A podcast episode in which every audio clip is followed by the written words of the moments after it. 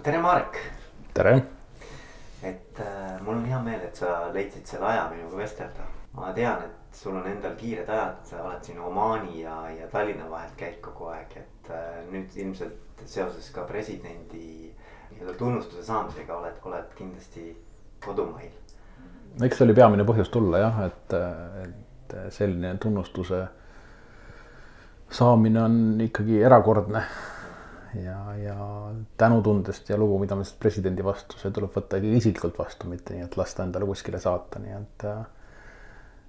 et jah, see on tagasituleku põhjus praegu mm. -hmm. väga, väga äge ja noh, sind on tund-, tunda ju või tähendab, sina oled kõige rohkem tuntud äh, nende viie-kuue aasta äh, töö eest, eks ole, mis on nüüd äh, maksuhalduris tehtud.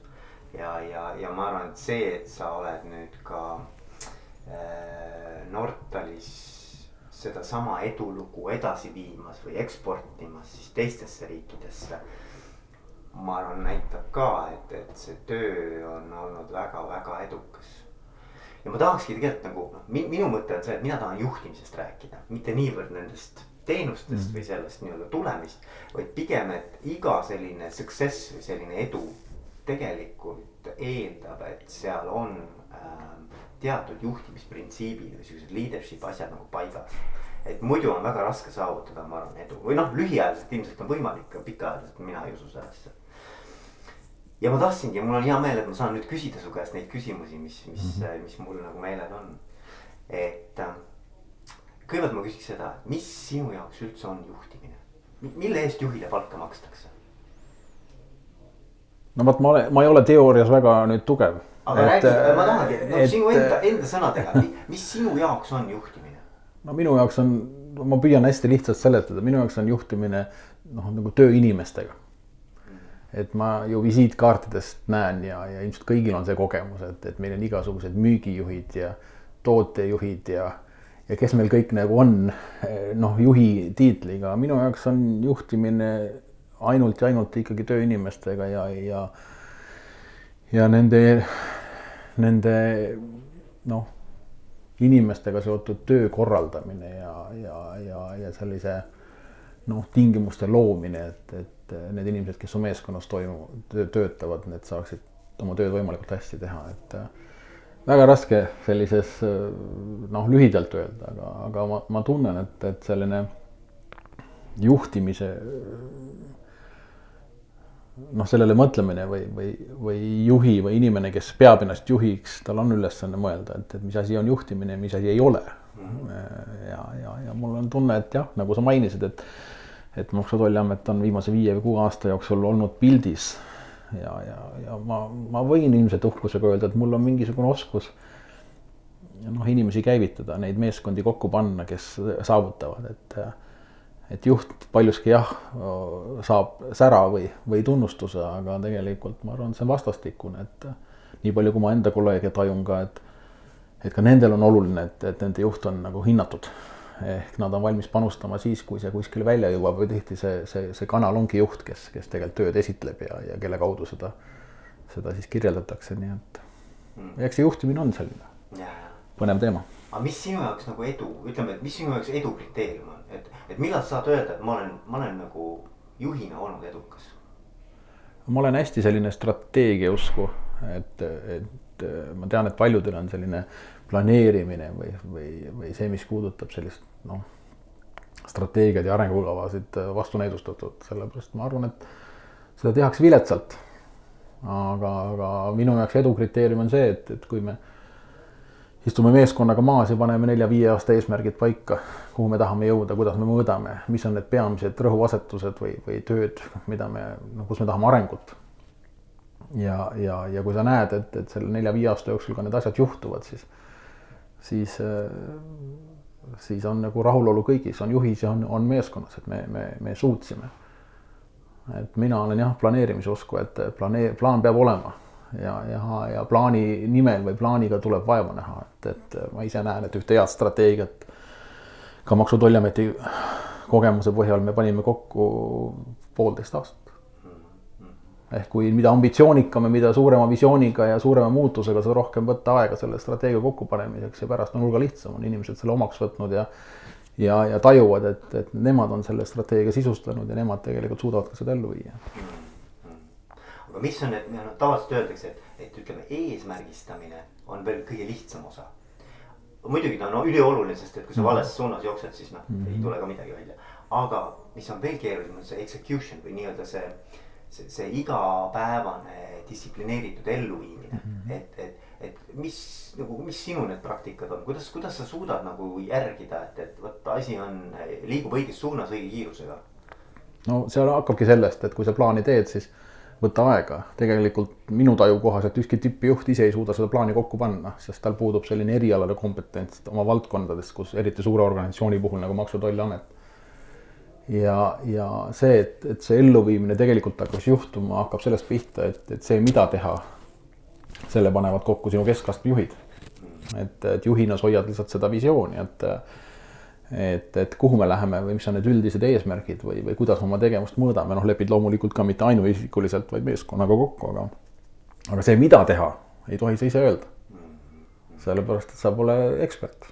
et mida erinevates valdkondades, osakonnades selle eesmärgi nimel või selle eesmärgi sisustamiseks teha, anna aega ja las see teadmine tuleb keskastme juhtidelt ja nende meeskonnadelt ja siis automaatselt, kui sa pärast nagu selles protsessis sees oled, käid mööda organisatsiooni, sa tunned, et need ei ole enam sinu ideed, vaid juba nende enda inimeste, sinu enda inimeste ideed, mida nad nagu tegelikult pühendunult ellu viivad, et seal on selle saavutuse võti. noh, ma olen ise siin kiidelnud sellega, et, et Maksu- ja Tolliametis näiteks pole arendusosakonda.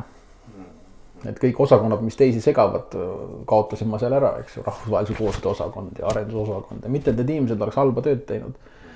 vaid eh, oma juhtidelt võtta see tunne, et arendab keegi teine nende eest ja, ja, ja alati, kui ma suuri organisatsioone vaatan ja näen arendusosakondi, siis siis, siis mul nagu muie tuleb näole, et, et, et see, see on juba üks eeldus ebaõnnestumiseks kui ma konverentsidel esinen ka, siis ma alati ütlen, et arendusosakond tuleks ära kaotada, siis ma küsin, kas keegi on siin arendusosakonnas, siis käed on ikka tõusevad püsti, aga ma mõtlesin midagi isiklikku, lihtsalt see sõnum, mis ma tahan öelda, et et arendus ja, ja mis iganes muu töö, rahvusvaheline koostöö, niisugused osakonnad me ju oleme kuulnud, et on organisatsioonides olemas need ei ole midagi kõrvalseisvad, need on samade kõikide juhtide üks töö osa, eks, et äh, ma olen öelnud nii, et kõik osakonnad, kõik tööd, mis teisi segavad, tuleb ära kaotada.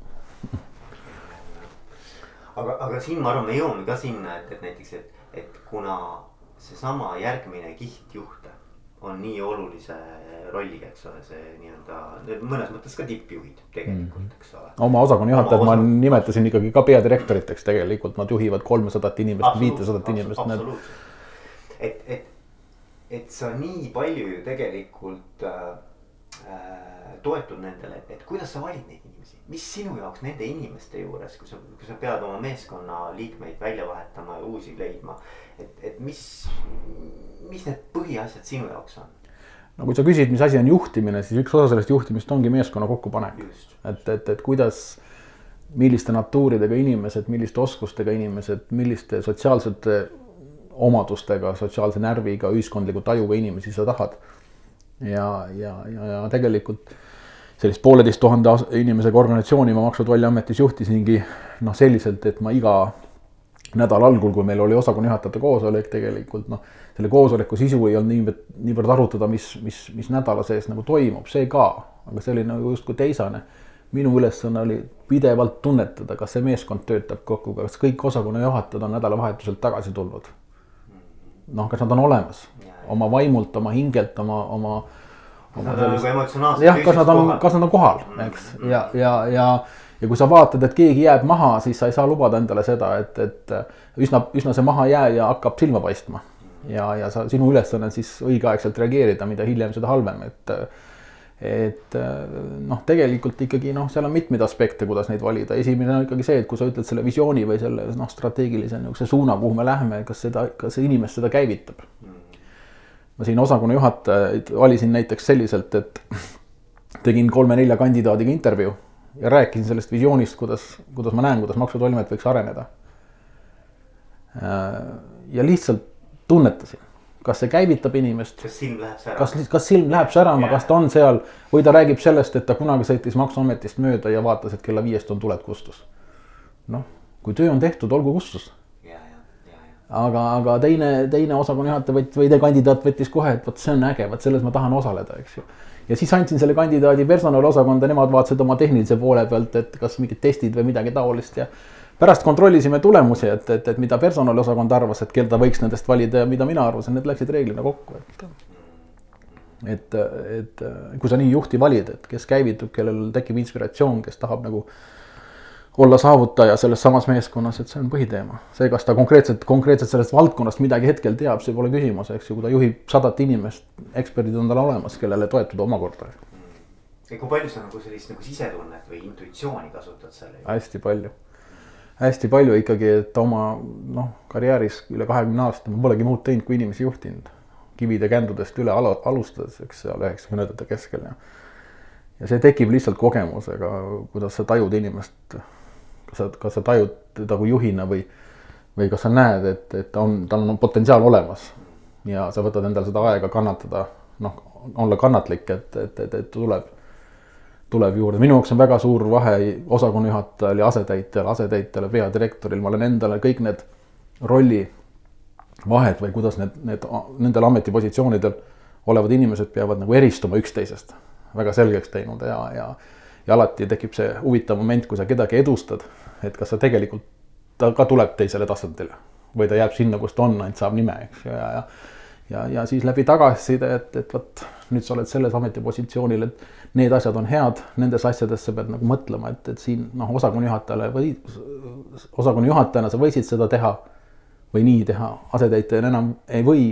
kui sa tahad peadirektoriks saada, siis loobu sellest nagu erisusest või sellest või tee see erisus sisse osakonna juhataja ja asetäitja vahel, siis tekib alles potentsiaalne viie aasta pärast teha järgmine karjäärihüpe, et, et kui sa seda ei suuda, siis ei ole, ei ole, ei ole võimalustki nagu kõige hullem, mis saab juhtuda, kui sa annad juhile nagu üle jõu käiva nagu positsiooni, et ta tegelikult jääb kuskil keskastme juhi tasandile, aga saab, saab liiga, liiga suure ülesande.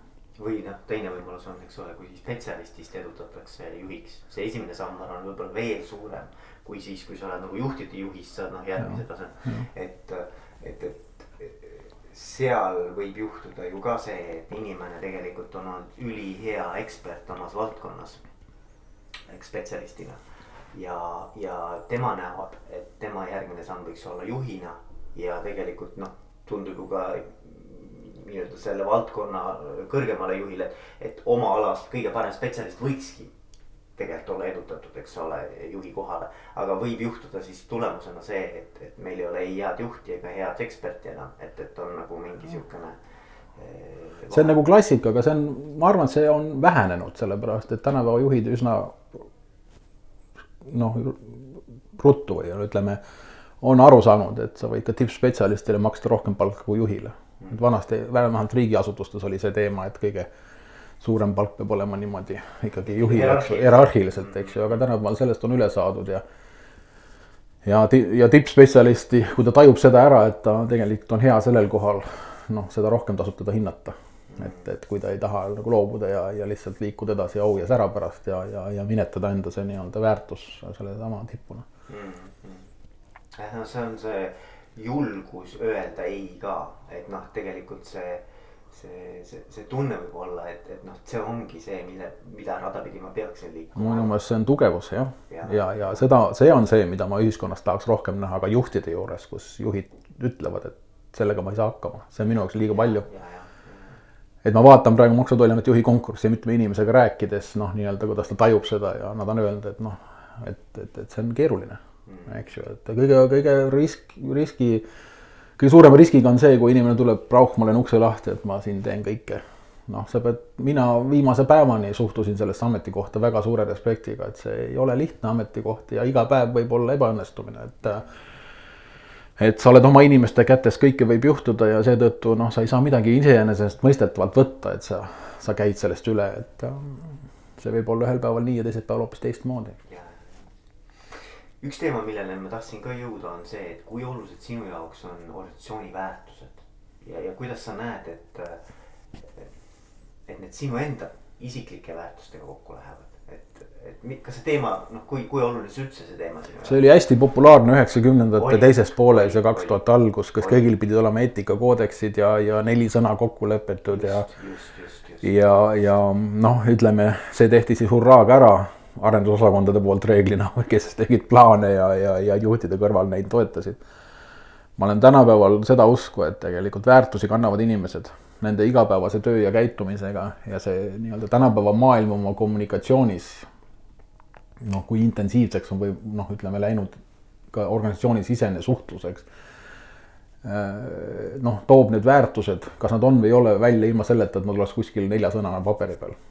Et äh, mina ei ole enam seda usku, et, et näiteks plaani seades või iga nelja aasta tagant peab organisatsioon kokku leppima, leidma neli ilusat eestikeelset sõna. Mm. ausus, usaldusväärsus, koostöö, innovatiivsus neid sõnu on palju, mis selle väärtuste kogumi nagu tekitavad ja, ja minu jaoks on nagu noh, lihtsalt lihtsustatud võtta neli sõna ja selle alusel siis nii-öelda noh, reeglina inimesed need unustavad poole aasta pärast või või, või igalühel meist on raskusi meelde tuletada, mis need siis neli olid, eks ju, et, et kes nagu selle, selle paberiusku on ju, suudab nad meelde jätta, aga, aga aga, aga mulle tundub, et, et väärtus seisneb milleski muus, väärtus sellest, mis inimene nagu loomulikult tunnetab organisatsioonis ja, ja, ja, ja noh, võtame kasvõi seesama noh, ütleme ükskõik innovatiivsus või, või, või, või, või koostöö, kas noh, kui sa igapäevaselt seda ei juhi, siis ei aita ka see, et keegi leppis selle kunagi paberi peal kokku, eks, et, et seetõttu noh. Ma ei ole jah, see, ma arvan, et see, see on, see aeg on läbi, kus need peaks niimoodi nelja kaupa valitud olema mm. -hmm. aga nad noh, mõnes mõttes igas organisatsioonis, eks ole, ju toimib, noh nii nagu igas ühiskonnas, eks ole, väärtused on paratamatult ükskõik missugused nad siis ei ole, eks ole. et kas nad on, kas nad on nagu sõnastatud või mitte sõnastatud, me igal juhul käitume mingite väärtuste. no absoluutselt, et, et noh, me me noh, lihtsalt mul, minu mõte on see, et, et ebaõiglane või ebaloogiline või noh, nii-öelda ajast ja arust on väärtusi no nii nagu me tegime nelja aasta või nelja sõna kaupa siis esile tõsta, eks see väärtusi sõltub sellest, et väärtusi sa juhid läbi, läbi oma tegevuste, läbi oma kommunikatsiooni, kui me ütleme, et me oleme. me oleme ausad, eks ju, siis kõik see, mis sellele vastandub, eh, noh, sellele reageeritakse eh, väga jõuliselt, et, et, et kui keegi on noh, nii-öelda teinud valesti, noh, mida ju aeg-ajalt on Maksu- ja Tolliametisse ette tulnud, siis, siis inimene peab organisatsioonist lahkuma ja sellega antakse tugev signaal teistele, eks ju, jah, absoluutselt. et see on nagu pigem on see, ütleme siukse nagu tagajärgede või noh, nii-öelda käitumisega näitamine. absoluutselt. Nagu seda ei pea nagu eraldi nagu paberile kirjutama. ma olen täiesti nõus, nii, jah. siis teema, mis mind väga kõnetab, on veel usaldus, juhtimine ja usaldus oh,. see on äge teema see on äge teema ja, ja minu meelest noh, jällegi üks juhtimise, tippjuhi eriti nagu ülesanne on eh, noh, usaldus mitmes vaates, aga, aga ülesanne organisatsiooni sissepoole on see, et tekitada, tekitada oma inimestes, oma meeskonnas, oma juhtides see tunne, et, et, et neid usaldatakse. ja ma olen seda enda jaoks nii palju nagu mõtestanud, et kuidas see siis tekib, eks ju, ja see tegelikult tekib minu arvates läbi juhi enesekindluse et kui juht on ebakindel, siis ta ei suuda ka usaldada. mida, mida enesekindlam sa oled, enesekindlusega on ka teatud noh, nii-öelda riskid, eks ju, et liigne enesekindlus pole ka nagu hea, et, et sa, keegi pole ilmeksimatu, aga tegelikult noh, mina vähemalt olen enda jaoks niimoodi mõtestanud, et eh, keskastme juht, saades selle tunde, et teda usaldatakse, eh, tekib tal automaatselt sellist loovust, tekib tal endal vastutustunnet, et asjad hakkavad juhtuma ja, ja ja lihtsalt selle usaldusega selles kontekstis noh, ütleme tippjuht võtab nagu teatava riski, et, et asjad hakkavad juhtuma, mis on hea. risk on selles, et vahel juhtuvad ka mitte nii oodatud asjad, aga see ei kaalu üles seda, et, et mitte usaldada ja, ja seetõttu noh mida rohkem tippjuht suudab äh, ka nagu juhtimisvõtetega seda tunnet tekitada, noh, Maksu- ja Tolliametis näiteks kogu eelarve juhtimine, palgaotsused, preemiaotsused, kõik on viidud keskastme juhtida ja nemad omakorda juba viivad neid allapoole, et et ei ole noh, peadirektor, kes tegeleb inimeste palkadega. peadirektor tegeleb seal ainult, ainult nelja, nelja-viie inimese palgaga, eks ju, ja ülejäänud on kõik kaks protsenti personali eelarvest on ainult peadirektori otse juhtida, eks ju, seal on ka mingid preemiafondi kord aasta strateegiaga seotud, aga, aga põhimõtteliselt noh, otse öeldus ma kinnitasin osakonna juhatajate poolt tehtud palga ja preemia otsused ilma neid avamata. noh, nähes pealkirja, et see on kellegi preemia või palgaotsus, see ei ole minu asi, kui ma olen eelarve nendele alla usaldanud, siis on nende otsus. ja kas siin võib olla ka see fenomen, et, et, et kui inimene tunneb, nagu sa ütlesid, et tunneb, et temale on antud usaldus, mingi krediit, eks ole, mingi usalduskrediit, siis paratamatult ju inimlik on ka püüda sellele vastavalt nii-öelda noh, ootustele vastavalt siis ka nagu käituda. absoluutselt, sama aeglaselt kasvab tema vastutustunne. just, just. see, see on äge. et kui see nagu heas mõttes ratas hakkab tööle mm, -hmm. et eh, tippjuhtkond annab eesmärgi ette ja usaldab selle eesmärgi elluviimises oma, oma meeskonda, oma parimat ekspertiisi, siis see tunne, et ma olen usaldatud minu käes on ka vahendid, mitte ainult ülesanded ja kohustused, minu käes on ka nagu pädevus või voli otsustada oma meeskonna üle, eks, et, et keda rohkem motiveerida, keda vähem. Äh, see tekitab sellise nagu noh, kuidas ma ütlen, ma ei vea sind alt, ma annan endast parima. Ja ma arvan, et seal on üks edu võti Maksu- ja Tolliametis, mis viimased viie-kuue aasta jooksul on juhtunud, et see meeskond tegelikult äh, noh, toimib ikkagi nagu täpselt sellel samal põhimõttel, et et hästi palju usaldatakse tippspetsialiste, inimesi, nende ekspertiisi kuulatakse ja, ja, ja teistpidi, et noh, sealt altpoolt tuli mulle vastu seda, et, et ma olen ka hoitud tippjuhina nende poolt. hoitud selles mõttes, et, et me teeme need asjad ära, mis, mis minu poolt on nagu oodatud. või mis me oleme kokku leppinud see, ma, ma arvan, et see on samamoodi näiteks ka kõikvõimalikes igasugustes spordi ähm, spordivõistlustes, kus on meeskondlik tulemus oluline mm. -hmm. ma, ma arvan, et see toimib täpselt samamoodi seal, et äh, vaatad seal jalgpalli või korvpalli või mida iganes. jah, et need rollitäpsused samamoodi, eks ju, et kui sa lähed väljakule jalgpalli mängima, siis ei jookse mehed ju täpselt nii, kus mul meeldib joosta, vaid ikkagi seal pannakse mingid reeglid paika, kes ründab ja kes kaitseb, eks ju. ja kelle sõna kuulatakse selles mõttes heas mõttes, et, et, et või ju, suunised või juhised ja ja, ja kui sa need rollipuhtused saad paika, eks ju, kasvõi neid omavahel, et, et noh, nii-öelda osakonna juhatajate vahelisi probleeme ei lahendata nagu peadirektori kaudu. noh, see jällegi noh, tuleb, tuleb ette, kus seda on vaja teha, aga, aga mul õnnestus selles meeskonnas nagu selline arusaam tekitada, et ega peadirektoril puudub selles nagu süvaekspertiis ja kuidas nagu, kui minna peadirektorile ka, juurde kahe osakonna vahelise koostöö probleem, probleeme arutama, siis noh, mis saab juhtuda nagu puusalt otsustamine mingi tunde põhjalt, eks ju, mis tegelikult on vale ja, ja ma väga kiidan oma keskastme juhti, osakonna juhatajaid, et. et üksikul kordadel, kui minuni jõudis nende omavahelised koostööprobleemid viimastel aastatel, nad kõik toimisid üksteise vahel ära, nii et jumala äge, mul oli väga palju aega juhtimiseks. Ja, ja ma, ma arvan, et see ongi see, mis tegelikult lõpuks nagu annab ka võimaluse öelda, et, et kui isegi kui ma siit nüüd lahkun, siis tegelikult ma tean, et kõik on hoitud või noh, et, et, et see, see, see nii-öelda see, see legacy või see, mis järgi jääb, eks ole, et see, see nagu toimib ilma minuta ka. ma ei, ma ei tea, kas see on sinu. on tunne täiesti, on tunne täiesti, mis ei tähenda, et sellel meeskonnal poleks arenguruumi. ja, ja, ja, ja tunnetasin lihtsalt seda, et, et sellele meeskonnale oleks vaja nagu uut tippjuhti. Äh, sellele viieaastale järgi, mida mina neid juhtisin. et nad veel õpiksid et nad saaksid mingit muud vaadet tippjuhtimisest, et, et äh, ma olen ikka seda usku, et et nagu tippjuhtimine on noh, tegelikult ikkagi niivõrd intensiivne ja niivõrd noh, nii-öelda noh, eesmärkide nende saavutamisega seotud, et selliseid mitut tsüklit järjest teha on väga raske sihukese sama säraga ja, ja, ja, ja ma viimase päevani nautisin Maksu- ja Tolliametis töötamist, nüüd ma olen siin nädal-poolteist kõrvalmajas olnud. ma ei ole veel sammu sinna maja seadnud, sest mul ei ole mitte mingit igatsust ma, minu töö on tehtud ja ma tunnen ennast niivõrd hästi, et, et ma ütlen inimestele siin õue peal tere, aga see, et ma peaks neid vaatama minema ja süda millegipärast valutaks, täpselt nagu sa ütled, see legacy on olemas, see meeskond töötab nendel põhimõtetel. noh, ma lihtsalt ootan, et tuleb neile uus juht, kes annab veel omakorda mingi impulsi arenguks, et äh, võib-olla natukene kõigutaks mõne inimese enesekindlust ja, ja, ja nii edasi, nii edasi, et see on põnev Marek, kas on midagi veel, mida sa, ma mõtlen, et, et mida sa tahaksid ise juhtimise juures rõhutada, mida ma võib-olla ei oska küsida või ei ole küsinud? et ma arvan, et noh, mida inimestele korda läheb motivatsiooni osas, loomulikult kõik tahavad saada noh, võimalikult nagu konkurentsivõimelist palka, eks ju, aga, aga lisaks sellele noh, mida mina ma tunnetan, see, et mis on tippjuhi ülesanne. kui ta tegeleb juhtimisega, on see, et, et kas see juhtimine avaldab mõju nagu töökorraldusele, et kui inimene tajub, et töö on korraldamata.